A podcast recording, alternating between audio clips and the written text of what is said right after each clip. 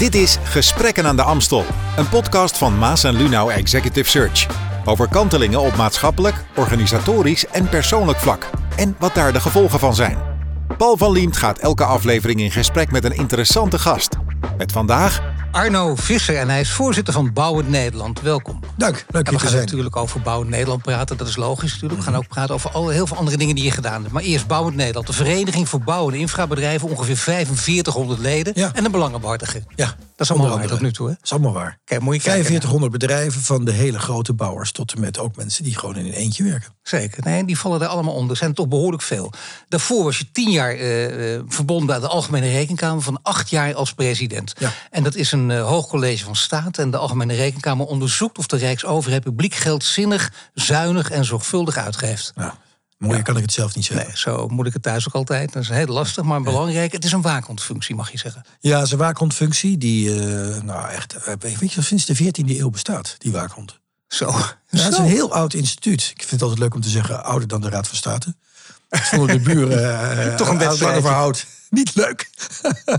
Maar wel waar. Nee, maar het is een, het is een waakhondfunctie, maar het is ook een vertrouwensfunctie. Je be- bewaakt het, eh, het vert- vertrouwen, het geld, het belastinggeld van, van burgers en bedrijven. Of dat eh, volgens de afspraken is besteed. En we komen er nog over te spreken dat je daar ook voor, als je president bent, word je benoemd voor het leven. Je hebt dat niet volgehouden je hele leven lang. Je hebt er zelf voor gekozen. Daar komen we over te spreken.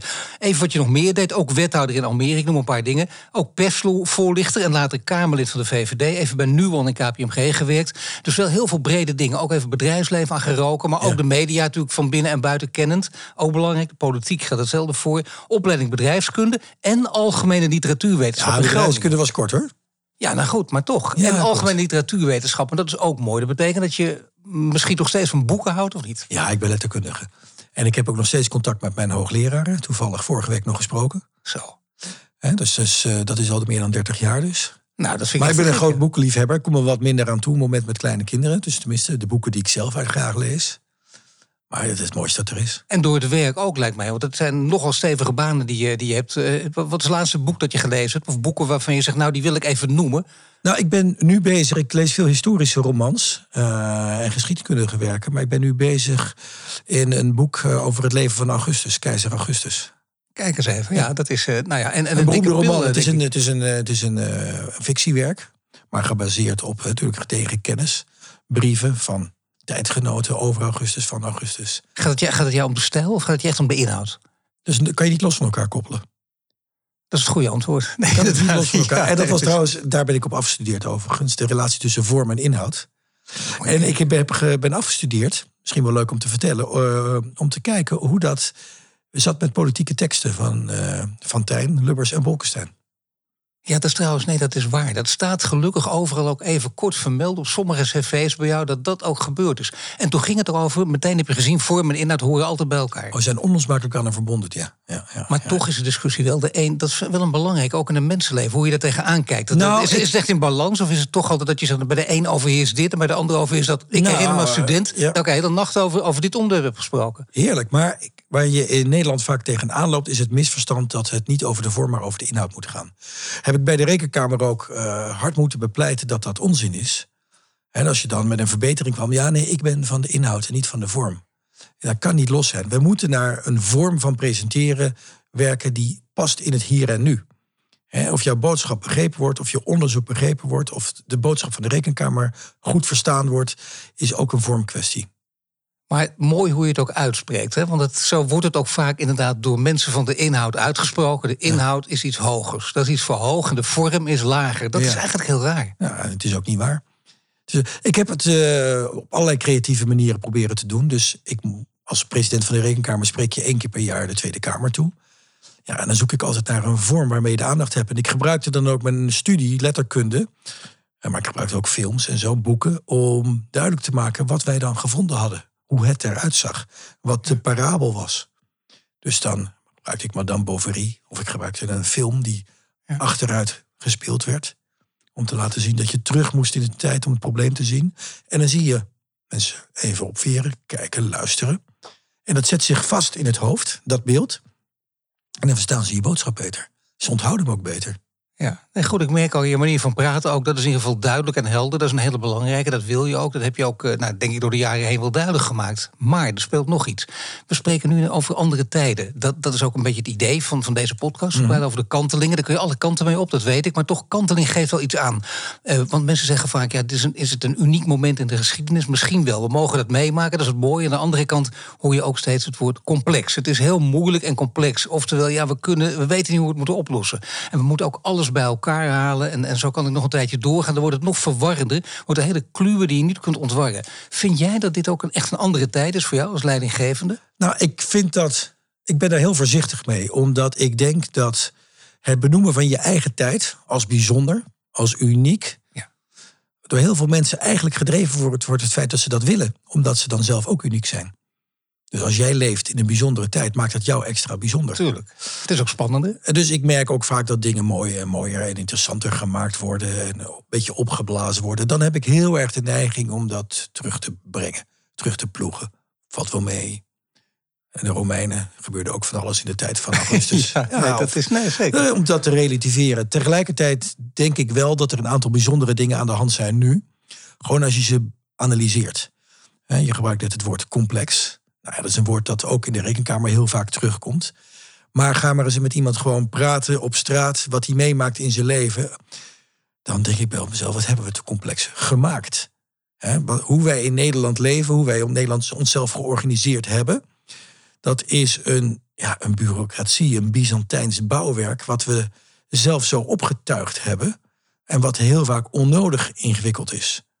dus dingen die eenvoudig hadden kunnen zijn, of beter kun je zeggen, zouden moeten zijn, hebben wij ingewikkeld gemaakt. En je zegt het is belangrijk om terug te gaan in de tijd. Dat is interessant. Mensen zeggen dat je moet vooruitkijken, juist niet terugkijken. Dat, dat, er zijn ook veel politici die het roepen, uh, filosofen die het roepen, weet ik wie het roepen, veel leidinggevenden ook. Maar jij zegt teruggaan in de tijd is van belang. Als je Kun je dat hier ook doen? Om te weten zeker. Je Als je wil weten wat een probleem is, dan moet je teruggaan naar de tijd waarin het ontstaan is, waarom het ontstaan is, om het op te lossen. Om het te begrijpen. Dat wil niet zeggen dat je dan daar moet blijven stoppen. Maar als je dat niet weet en doorgaat in het nu en dan weer iets verzint, ja, dan, dan doe je hetzelfde. En ja, de filosofen en politici die je net noemt, die komen dan, maken dan ook de fout om met oplossingen te komen die geen echte oplossingen zijn, maar vaak het probleem erger maken.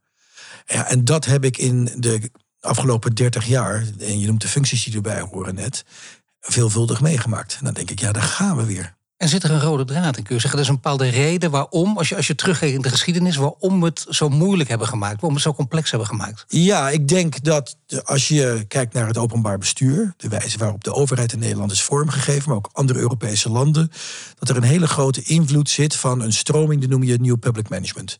Hoe moet je de overheid, de bureaucratie organiseren? En er zitten een paar principes, uit de jaren zeventig zijn ze, zijn ze zelfs, die nu voor problemen zorgen. Want ze worden nog steeds gebruikt. Bij ieder probleem wordt er weer gezegd: weet je wat, we gaan reorganiseren. We gaan de uitvoering op afstand zetten.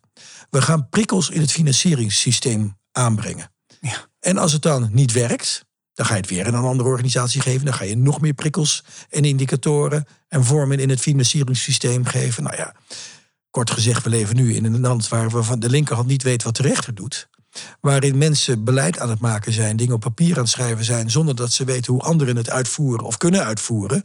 Uitvoerders die voor problemen terechtkomen, veroorzaakt door mensen die totaal niet weten waar ze tegenaan lopen. Ja, dat is de rode draad die je overal terugziet.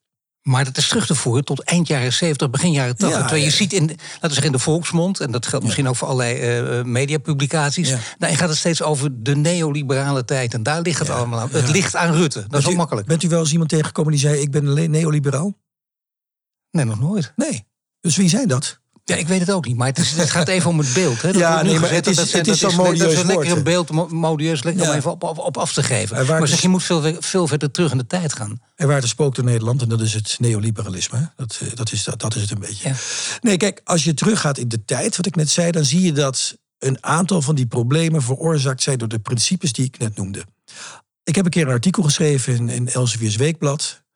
waarin ik beschreef dat alle, politiek, alle parlementaire enquêtes en onderzoeken van de afgelopen 30, 40 jaar in de kern altijd steeds datzelfde probleem aanwezen.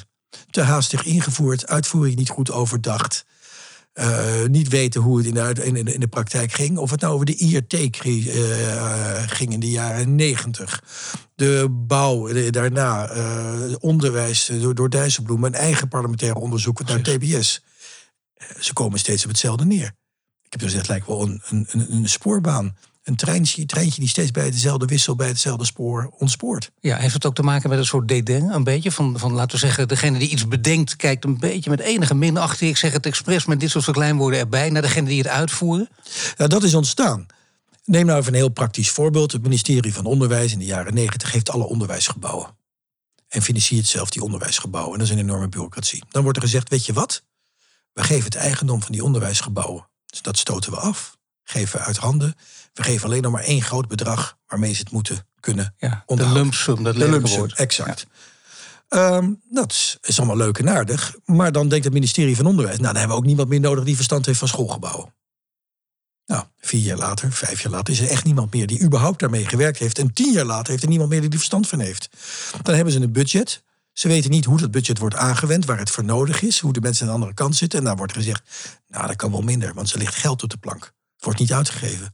Niet wetende dat het reserves zijn die één keer nodig zijn voor een grote voorziening, enzovoort en zo meer. Maar dit is een goed voorbeeld, want dit eindigt, en Dijsselbloem heeft het al goed aangegeven, dat is ook heel lang geleden eigenlijk al. Ik geloof uh, 98, 99 en nog steeds speelt dat. En misschien dat schoolbesturen staan keihard tegenover... Uh, onderwijzend personeel. Kijken er ook met enig dédain naar. Van wij zijn het bestuur, nou wij bepalen het. En we hoeven ook niks van onderwijs te weten. Dat doet er niet toe. Jullie voeren uit. Maar dat echt ook minachtend. En in Den Haag uh, werken heel veel mensen. Met goede bedoelingen, laat ik er wel bij zeggen. Hè. Er is niemand die dan zegt: Ik ga s morgens naar kantoor, ik ga de boel uit de rails laten lopen. Nee, natuurlijk. Hè, dus mensen die komen in een omgeving, die komen uit het ministerie, die moeten politiek sensitief zijn. En die krijgen dan de opdracht een probleem op te lossen. Nou, die werken nog steeds volgens die principes. Nou, het gaat niet helemaal goed. Het is een gemeentefonds.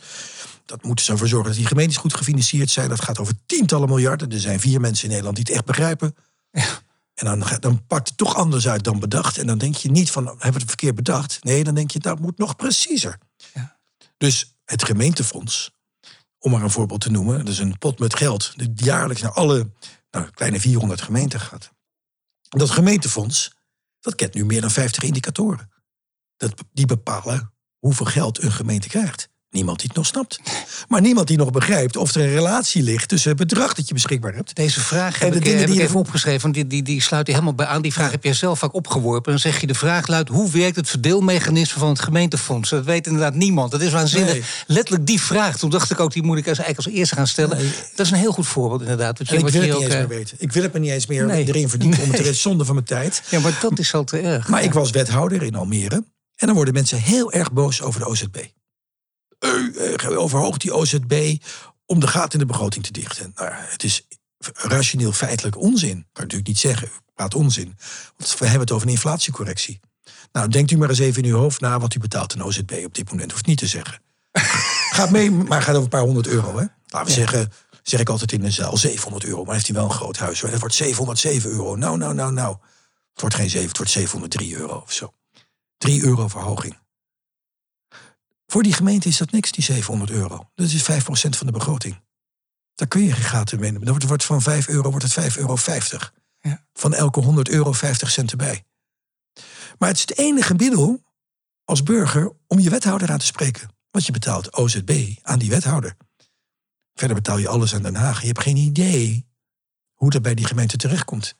Nou, bij, bijna een onderdeel van de polarisatie, als je het zo zegt. Dat, het onderdeel van het onbegrip, het onderdeel van uw vraag het is wel complex geworden. Gaan we Onnodig eens. Ik bedoel, uh, ik, ik, zal even proberen iets uh, zachter in de vraagstelling te worden. Misschien dat je op je, maar even op je gemak zit. Kom op, uh, Arno, we gaan even normaal tegenaan. Hè.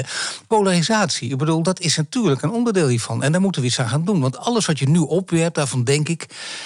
Hoe, hoe kun je het oplossen? Want daar heb je vaak je gedachten over laten gaan. Dat kan niet anders. Nou ja, ik heb gezegd, we hebben een paradigmawisseling nodig. Als het gaat over het openbare bestuur, moeten we dan een paar andere principes gaan werken. Ja.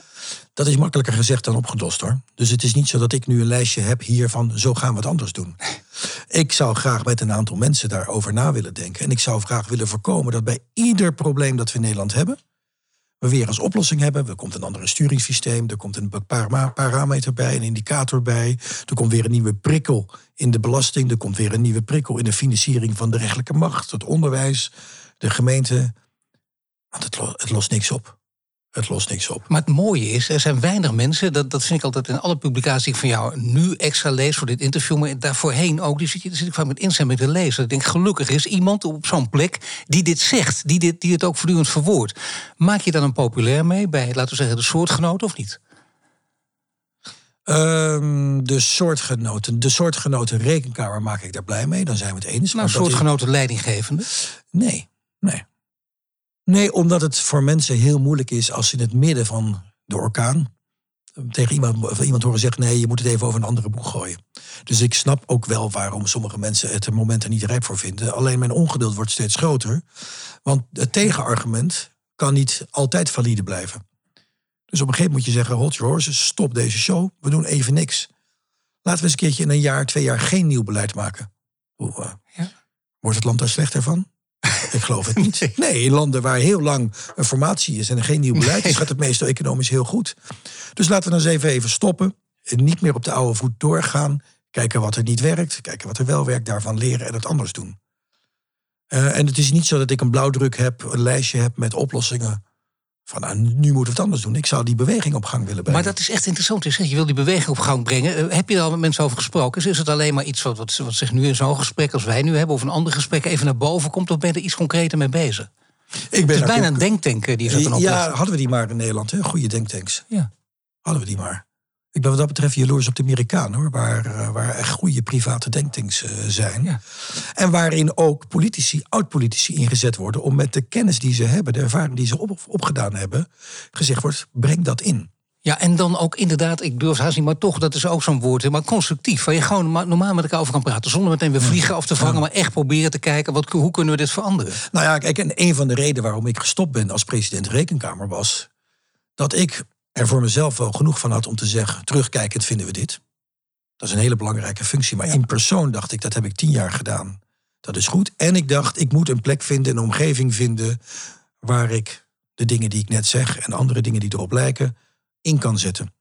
En dat kan ik nu. Dat kan ik in Bouw het Nederland. Dat kan ik. Ik kom in de SER. Ik kom in VNO-NCW. Dus ik zoek dat publiek wel. Ja. Maar goed, geef me nog wat tijd. Ik ben eh, net vier maanden begonnen.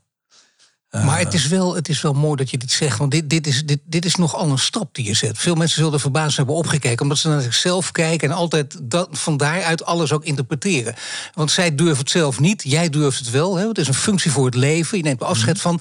Nou, zo zitten we in Nederland toch een beetje in elkaar. En dan is het ook, ja, ja het zal, er zal wel iets anders aan de hand zijn. Dat kan bijna niet. Terwijl ik dacht, ik las even, ik denk, kijk, wat vinden goede vrienden. Ik las ergens eh, Paul de Krom, eh, die nu volgens mij bij de Lauwman groep, eh de Ja. Zwaard. Hij was Ja. bij de VCI, was hij, eh. En ook TNO, heel lang de baas. En die zegt, luister goed, eh, deze man die tegenover mij zit nu, Arno Visser... is een onafhankelijk denker. Hij trekt zich niets aan van de waan van de dag... of wat politiek correct is. En dat lijkt dan, eh, daar lijkt hij gelijk in te hebben. Want dit is een stap die veel mensen niet begrijpen... En die voor jou nu duidelijk is als je hem uitlegt. Maar zijn er veel mensen die er toch met enige argwaan naar luisteren? Of hebben ze het allemaal wel begrepen? Je geeft een functie voor het leven op. Nou, mensen die mij kennen, zoals Paul de Krom, waren niet verbaasd. Mensen die mij alleen maar kenden vanuit dat ambt, zeg maar die de president van de Rekenkamer kennen, waren wel verbaasd. En dan zeg je net iets heel belangrijk. Iedereen kijkt altijd vanuit het perspectief, het standpunt dat hij zelf heeft. Ja. Ja, zonder dat door te hebben. Dus wat mensen zeggen, zegt heel veel over hen zelf en wat minder over het andere. Of mij in dat geval. Nou ja, dat is, dat, dat- is echt een serieus. Dat is heel pijnlijk eigenlijk. Dat, dat heet misschien, ik weet niet hoe dat moet noemen, empathisch vermogen. Dat heet, er zit ook allerlei. maar dat is het in zekere zin wel. Dat je probeert gewoon ook eens te kijken hoe een ander er tegenaan kijkt. Ja, ik vind het wel leuk. toch te weinig. Ik zeg met, altijd met enige trots dat ik de eerste 200 jaar ben die gestopt is als president van de Rekenkamer zonder naar de hemel of met pensioen te gaan. Ja, nee, maar dat is, nou ja, nee, maar dat is, dus ook, dat is dus ook heel erg bijzonder. Want het is natuurlijk wel een, een functie met status, zeker voor de buitenwereld. Je weet ook, ik zit hier goed tot mijn nou ja, ze- twe- 70ste, 72. je kan er 70ste, heel lang ja. blijven zitten. Ja. Gigantisch lang. En toch zet je dat opzij. 1 mei 2036 had ik er kunnen zitten. Ja, ja nou, je hebt toch even bedacht hoe lang dat. Ja, ja, ja. ja. Maar dat- dat Eh, vond je geen aanlokkelijk perspectief? Ik denk dat mijn bank dat heel prettig zou vinden. Want je bent verzekerd van een inkomen. Dus die hypotheek is wel... Nou ja, ik zit zo niet in elkaar. Het is ook niet dat ik status gedreven ben. En dat me dat op die plek zou houden. Het heeft me ook niet naar die plek gebracht. Nee, er waren andere overwegingen. Ja. Maar noem er eens een paar. Nou, er- zijn er eigenlijk twee. Ehm, als je een bepaalde periode in zo'n functie zit, dan is het gezond voor jezelf en voor je omgeving om op andere plek te gaan zitten. Dus ik was er vrij jong. En ik had het dus heel lang kunnen zetten, maar dan moet je de vraag stellen: is dat wel goed voor je? Is dat goed voor je persoonlijke ontwikkeling? Vraagteken. Maar is het ook goed voor de mensen om je heen? Antwoord voor mij was nee. Op beide vragen. Het is goed voor mij en het is goed voor de omgeving als er weer uh, uh, op een frisse manier ikzelf tegen zaken aankijk. En uh, op een frisse manier iemand tegen de rekenkamer aankijkt. En de tweede is, die rekenkamer is per definitie het terugkijken en zeggen: zo, je had het anders moeten doen. Je had het beter moeten doen. En dat is heel functioneel, belangrijk in een democratie, want dat maakt een democratie een lerende democratie. Maar ik had meer behoefte om met de kennis die ik heb nu te zeggen: oké, maar met de dingen die op ons afkomen, vraagstukken, maatschappelijke vraagstukken, wil ik die opgebouwde kennis ook anders in gaan zetten. Maar dat snap ik. Behalve eh, waarom dan de stap naar bouwend Nederland? Want dat is, dat is nogal een functie. Er is ook nogal wat aan de hand. Niet bij de club zelf, maar gewoon naar de buitenwereld. Waar je ja, juist, staat. Alle problemen die op je afkomen. Ja, maar juist daarom. Ook daar weer, er zijn verschillende redenen waarom dan bouwend Nederland. Nou, ten eerste een heleboel maatschappelijke vraagstukken die nu relevant zijn, spelen daar. Dus ik verbeeld me dat ik die kennis waar ik het net over had, die kennis en ervaring op die plek in kan zetten.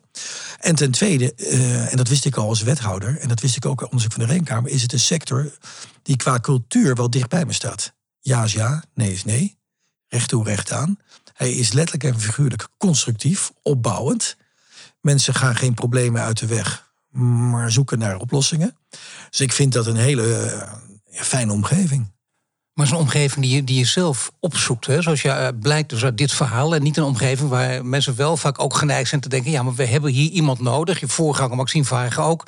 En op dit soort plekken worden mensen neergezet die de weg kennen in Den Haag... Eh, waarvoor iedereen de deur opent als ze bellen. Ja, die kan zo één op één met de premier praten en die hebben we nodig. Dat, dat zijn argumenten die, die, die spelen, maar daarvan is een, er zijn een heleboel argumenten die meer tot het verleden dan tot het heden behoren.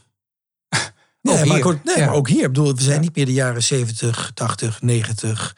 Waarin een klein clubje mensen de dienst uitmaakten, elkaar konden bellen en dan zeiden van zo, uh, zo gaan we dat doen. Ja, toch is nog steeds dat beeld, en dat beeld blijft nog hangen. Steeds ja, en er wordt ook dapper in stand gehouden door mensen die daar ook weer een belang ja, bij maar, hebben. Ja, maar, maar hebben, wie, wie, hebben, wie hebben daar belang bij dan? Oh, dat zijn heel vaak uh, mensen die makkelijke duidingen maken, makkelijke analyses maken. Zitten vaak bij de media. Ja, dat, oh, dat is helemaal niet waar. Nee, maar, maar dat verhaal van, van laten we zeggen, de, de, de elite ten opzichte, misschien de politiek nee, ook. Nee, nee, in dus functies moet je even de premier bellen en dan is het geregeld. Alsof, alsof het zo werkt. Alsof ik Mark Rutte kan bellen en zeggen, en dan is het morgen geregeld. Nou, nee, het ging een beetje om het beeld van, van ik denk niet, ja, misschien bij media, ik denk je gelijk hebt, dat het ook van deel speelt. Maar het speelt ook op, veel meer fronten. Maar vooral die geblindeerde busjes, dat verhaal speelt natuurlijk nog in onze hoofden. Toevallig had ik het daar in een uh, ander interview met uh, dezelfde Paul de Krom over. Die vond het ook wel een, een, een sterk beeld. Waarvan die zegt, daar moeten we vanaf, daar moeten we niet meer willen. Dat beeld van al die CEO's die met die. Want dat gaf juist dit beeld aan. we gaan met z'n allen en er gingen alle belangrijke mensen die hadden daar belang bij, grote bedrijven, die gaan even wat regelen over de dividendbelasting met Rutte. En ze werden apart op het katshuis ontvangen, ook nog in geblindeerde busjes. Nou, dat bleek later ook gewoon praktisch en wat dan ook. Maar toch, hè, dat beeld stond er. Dat beeld stond er en dat wekte allerlei eh, bevestigingen argwaan. En ja, ik zit zo niet in elkaar. Ik wil zo niet werken. Dus wat dat betreft zou je een verkeer aan mij hebben als je als Bouwend Nederland zo'n soort voorzitter zoekt. Dus we hebben in dat gesprek ook heel duidelijk gemaakt dat nieuwe tijden om nieuwe antwoorden vragen. Dus wat werkte 20 jaar geleden, hoeft misschien de komende 20 jaar niet te werken. Maar dat is precies het punt waar we het hier over hebben. Dat, heeft met die kanteling te maken. Want wat zijn er nieuwe tijden? Wat, wat, voor, wat, wat vergt het dan nu voor nieuw leiderschap? Nou, dat, dat vergt bijvoorbeeld dat we. Kijk, uh, interessant. Dus mensen zeiden: ja, je wordt zo'n belangenbehartiger, zo'n lobbyist tegen mij. Terwijl ik juist vond dat we belangenbehartigen op een andere manier moeten doen. En dat heb ik dus ook neergelegd. Dat wil ik ook gaan doen. Dus ik word beoordeeld als ouderwets, terwijl ik eigenlijk neer heb gelegd, we moeten het op een andere manier doen. Want er is niks mis met belangenbehartigen. Maar het gaat over de wijze waarop. Het, de vorm waar we het eerder over hadden. Die, het beeld van die geblindeerde busjes en zo. Dat moet je dus niet doen. Je moet dingen transparant maken. Je moet open doen. Uh, open doen en open zijn.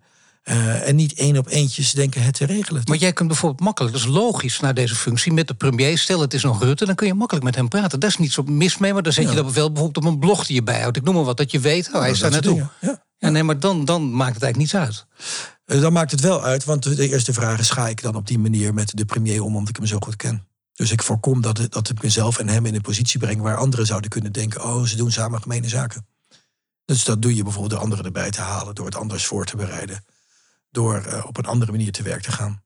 Maar kijk, laten we even wel wezen. Kijk naar politiek Den Haag. En we hebben het vaak over versplintering. En dat betekent dat er een heleboel partijen van de invloed zijn en dat het morgen een ander kan zijn. We hebben net de provinciale staten achter de rug.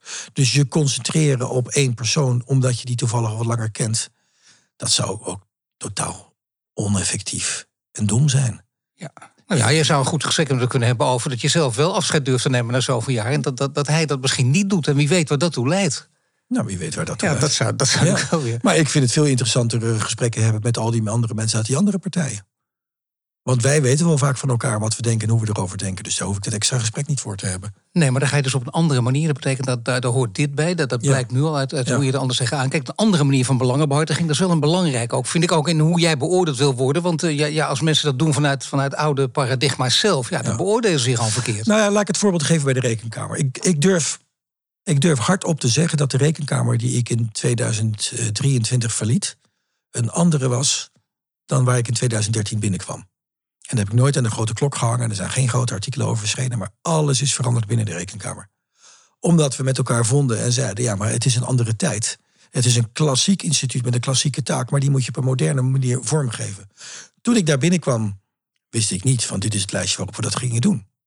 Ik wist wel dat we dat gesprek met elkaar aangingen. Dus alles is besproken. Alles heeft ter discussie gestaan. Achter de gevel. En als het niet veranderd is, is het bewust niet veranderd. Eh, dus die rekenkamer die werkt op een andere manier, heeft andere procedures, heeft andere moderne manieren van omgaan met elkaar, doet moderner onderzoek met moderne Maar kun technologieën. je toch een paar, een paar concretere, ik durf het woord maar niet te gebruiken, maar toch noemen. Want, dan, dan, want Ja. er is nogal wat gebeurd in die tien jaar tijd. En dat is een soort bescheidenheid misschien, dat je dat niet aan de grote klok hangt. Maar toch, Ja, ik wil het ook niet aan, aan, aan één persoon en aan mijzelf koppelen. Maar laat ik nou eh, Ja. twee voorbeelden geven. Eh, eentje die iedereen gezien heeft en ook dingen die mensen niet zien, maar wel van invloed zijn. Eh, vorige week, ik heb, was er geen deel meer van, maar vorige week kwam de rekenkamer uit met een rapport waarin defensiegebouwen zijn onderzocht. Daar was iedereen heel verbaasd over, ik niet. Omdat het nou precies paste bij wat we in gang hebben gezet. Op een modernere manier uitdagender onderzoek doen. Dat hadden we al een paar keer gedaan, maar niemand had het gezien.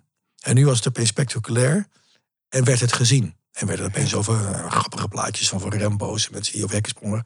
En eh, nerds, die, er werd er zelfs gezegd, nerds die opeens... Dat was al langer in gang gezet, maar er zijn een aantal voorbeelden waarvan je die beweging zag. Ja. Dus dat is één, modernere technieken die bang zijn. En niet vanuit het bureau aan het lange voorhoud opereren. De tweede is, en dat is de vraag die heel veel mensen stellen... hoe komen jullie nou tot keuzes? Want je bent onafhankelijk, je bepaalt zelf wat je onderzoekt en hoe je het onderzoekt. Nou, dat was een ouderwetse papieren procedure die eindeloos duurde. En er was al zoveel tijd aan besteed dat je eigenlijk zei, nou ja, we zijn al halverwege het kanaal, gaan niet terugzwemmen. Dus alles ging door. Dus we zijn intern gestart met dat iedereen een pitch mocht doen. Kort, vijf minuten met een goed voorstel. Dan mocht iemand anders als tegenspeler zeggen waarom het geen goed voorstel was. En een aantal mensen mochten erop reageren. De hele organisatie erover meepraten. Tien keer per jaar, laten we zeggen elke maand, een bijeenkomst, strategische dialoog noemden we dat, waarin iedereen in de organisatie meesprak over wat we zouden kunnen doen, hoe we het zouden kunnen doen, et cetera. Dat was een cultuurbreuk van je welste. Als ik dat aan rekenkamers in andere landen vertelde, zagen ze water branden. Sterker, als ik het aan andere onderzoeksorganisaties in Nederland vertelde, kwamen ze morgen bij je langskomen om dat te zien. Dus dat zijn twee voorbeelden waarin je kan zien, als je erbij zou zijn, en andere als je het gepresenteerd wordt, dat het echt een andere rekenkamer was.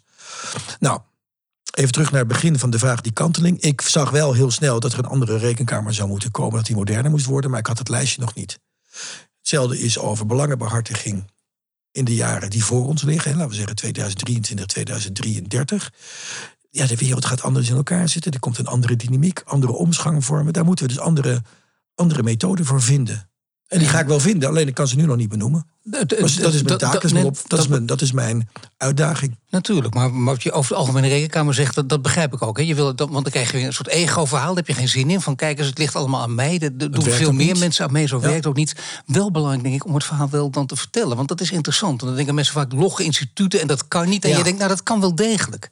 Nou, dat is mijn eh, zwakke punt. Want als we het nou hebben over leiderschap, dan, eh, dan heb je het over dingen veranderen. Ik ben altijd heel avers geweest om aan die verandering mijn naam te plakken.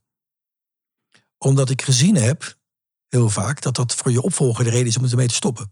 Dus dat blijft niet. Dus als je iets wil bestendigen, iets wil veranderen dat bestendig is, moet je ervoor zorgen dat het niet van jou is.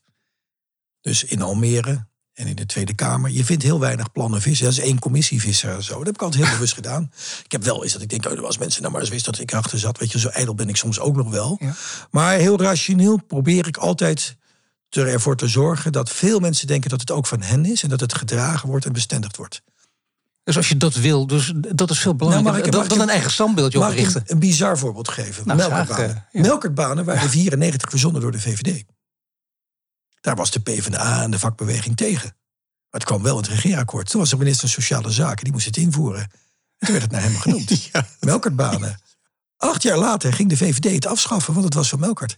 Dat is echt... Ja, dat is- ik heb hem nog dat in die fractie verzet waanzinnig. daartegen. ik zei, joh, dat komt uit ons eigen verkiezingsprogramma. Ik was zelf notabene voorzitter van zo'n club. Eh, hartstikke nuttig. Dat zijn hele rare mechanismen. Maar als Dus het visserbanen had geheet, had je kans ge... Ah, dat- ik zou het nooit dat- nee, maar visserbanen stel, noemen. stel dat, dan had het gewoon kunnen blijven bestaan. Nou, dat, dat, nee, dat was, dan, was, dan was er een melkert geweest die gezegd, dat schaffen we af. Dus je moet, je moet dus even oppassen. Ehm, ja, je moet het verhaal vertellen dat er een verandering is... en moet je zichtbaar brengen om de reden die je net noemt. Tegelijkertijd moet je er ook bewust voorzichtig mee zijn... om, om te voorkomen dat het na jou opeens wordt afgeschaft. Door een ander die ook zijn eigen stempel ergens op wil drukken. En dat is wel, dat is wel zeg maar, de balans die ik zoek. Je zoekt een verandering, maar je zoekt ook een verandering die bestendig is. maar En dan even ze- modieus snel. eh, Nee, maar dat is belangrijk. Dat is eigenlijk wat Paul de Krom ook zei. Niet eh, de waan van de dag volgen, maar gewoon dit doen. En dan ook niet een standpunt voor jezelf willen oprichten. Het gaat verder. Je wil gewoon kijken of je iets bestendig kunt veranderen. Dan weet Bouw het Nederland waar het aan toe is. En dan ben jij niet zo pessimistisch als Hugo de Jonge. Die zegt, ik pak het FD er even bij deze week als wij praten. Ik verwacht in 2024 een forse dip in de woningbouw. Nou, jij kent het al, maar voor de mensen die het nu horen. En dan zegt hij ook bij gestegen rente, krappe arbeidsmarkt... en een Ja. tekort aan materiëlen spelen de nieuwbouw parten. Dat is nogal wat voor zo'n man die alles- er altijd optimistisch uit naar en buiten. Alles wat hij daar zegt, hebben wij de weken en maanden daarvoor aan hem verteld. Ja. Hij schreef op wat hij gehoord had. Hugo de Jonge is te bewonderen om zijn, om zijn, eh, om zijn eh, energie en daadkracht om dingen te veranderen. Hij, hij moet het alleen doen in een tijdperk dat hem volledig tegenzit. Gestegen rente, eh, een giftige cocktail van zaken die nu die spelen. Niet alleen die rente. En voor een deel ook zijn eigen beleid, zijn eigen opvattingen die daar eh tegenin gaan in deze tijd. Maar dat er maar betekent, aan maar staan. dat, dat gaat er maar aan staan. Dat ga jij dus ook doen. Je gaat er ook aan staan. Ik, ik weet niet hoe lang je getekend hebt. Want ze weten gewoon, jij gaat hier niet eh, ook honderd jaar weer zitten. Maar denk je, je kunt hier acht of tien jaar, die tijd heb je denk ik wel nodig om echt dit soort problemen aan te pakken. Ja. Met stikstof erbij, met hele klimaat, met noem maar op. Alles bij elkaar, het is te veel. En toch denk je dat je hier een bestendige verandering tot stand kunt brengen. Ja, maar niet alles tegelijk. Kijk, het begint, er, het begint ermee dat je eerst je realiseert dat dit niet de eerste crisis is waar we in terechtkomen. Dus even terug naar de periode 2008-2012. Financieel-economische crisis, crisis op de huizenmarkt. Wat kunnen we daarvan leren? Wat werkte wel, wat werkte niet? Ik hoor al mensen van alles roepen, ja, toen deden we dit. Oké, maar dan wil ik weten of het gewerkt heeft. Niet copy-paste herhalen wat er toen bepleit werd. Dat is een discussie die ik nu, nu intern eh, voer. Daar zijn we dus nu mee bezig. Moeten we fiscale maatregelen nemen? Of werkt dat juist niet? Eh, pas op, ik weet uit ervaring dat in de jaren 2010 de bouw ook stil lag. Geen vergunningaanvragen meer waren. Maar wat gebeurt er bij gemeenten? Een vergunning, daar betaal je voor, leges. Maar de mensen die de vergunning verlenen worden betaald uit die leges. Dus wat gebeurde er in 2010? Die gemeenten moesten die mensen ontslaan. Toen trok de bouw weer aan, want er was weer geld, er was weer een economische voorspoed. Maar toen lag alles stil, omdat er geen mensen waren die vergunningen konden behandelen. Tjak, daar moeten we over nadenken. Hoe kunnen we dat voorkomen? Het is niet zoveel geld, maar hele grote gevolgen. Dat, dat is, ja, ik zou bijna stom verbaasd, want dit zijn dingen die heel belangrijk zijn. Die, die komen ook op veel punten vaak terug. Dat we denken, ik ken het uit mijn eigen leven. Ja. We gaan een geweldige show maken. En, en, en we hebben een geweldige doek voor jou achter. Er kunnen alle beelden op. Waarom kon het niet? Omdat degene was er maar één die het kon bedienen. Ja. En die was ontslagen. Dus daar moet je op letten. Ja, en dan komen we weer bij het punt waar we net hadden. Dus onvoldoende oog voor de uitvoering. Ja. Wat je ziet in Den Haag is dat er een hele carousel is waarin mensen op verschillende functies komen. Die soms helemaal niets met elkaar te maken hebben. Je ziet in de Tweede Kamer dat mensen er vier tot zes jaar zitten en dan weer iets anders gaan doen. Dus mensen overzien een korte periode. En ze overzien niet die periode daarvoor. Hebben ook geen traditie daarin waarin ze van een ander leren. Dus da- daar zou je weer naartoe moeten dat je politieke partijen hun kandidaten, hun Kamerleden veel meer respect geven, veel meer tijd geven. Want je bent niet in drie dagen, drie maanden of drie jaar een goed Kamerlid. Dat duurt veel langer. Dus dwars door alle politieke partijen, steun die mensen nou. En zodra ze wat kunnen, zodra ze ervaring hebben, wat geleerd, ja, zeg dan niet, we vervangen ze door een lookalike. Zeg dan, en nu hebben we baat ervan, van die investering. Dan weten ze hoe die vorige periode was, dan hebben ze ervan geleerd. Anders krijg je copy-paste hetzelfde. Dat begrijp ik. Maar geheugen is dus ook wel degelijk belangrijk. Ook hier in de politiek, maar ook in de functies die jij beoefent. Maar ook weer niet te lang. Want ik bedoel, je kunt ook heel lang blijven zitten. Ik ken ook mensen, die ken je ook. Die ook goed functioneren. Die misschien 30 jaar op dezelfde plek zitten. En altijd zeggen, ik weet nog wat er 20 jaar geleden gebeurde. Maar dat werkt ook niet meer. Dat heb je zo maar je moet zorgen dat je niet van het ene en het andere eruit uh, valt. Dus waar we nu in zitten is een, is een situatie waarin te veel mensen continu veranderen en er geen bestendigheid is. Dus je noemt net het woord geheugen. Het institutioneel geheugen in Den Haag is een probleem. Het gebrek aan institutioneel geheugen. Dan moet je natuurlijk niet doorslaan en zeggen, nou dan laat iedereen 20 jaar zitten. Nee, je moet er zorgen dat mensen de tijd krijgen om het geheugen op te bouwen. Dat er gelegenheid is om kennisoverdracht te hebben, van elkaar leren. En ervoor te zorgen dat als je een volgende functie doet, dat er een logica in zit. Meer logica. Nou, ik heb een aantal functies achter elkaar mogen, mogen, mogen hebben waar een logica achter zit. Ik Daar denk, kan ik wat mee. Ik denk dat, uh, nou, dat met heel veel interesse, zeker na dit gesprek, nog meer dan ik eigenlijk al dacht, uh, kijken naar bouwend Nederland. Wat er allemaal gaat gebeuren. Er worden hele spannende tijden met inderdaad iemand die een nieuwe stijl voorstaat. Dat ben jij namelijk. En we hebben zo lang gepraat dat ik niet eens tijd heb. En dat heb je heel goed gedaan voor al die persoonlijke vragen. Oh. Dit was wel interessant genoeg. Arno Visser, hartelijk dank. Graag gedaan. Dit was Gesprekken aan de Amstel. Een podcast over kantelingen op maatschappelijk, organisatorisch en persoonlijk vlak. Presentatie Paul van Liemt. En mede mogelijk gemaakt door Maas en Lunau Executive Search. Volg ons in je favoriete podcastplayer voor meer gesprekken aan de Amstel.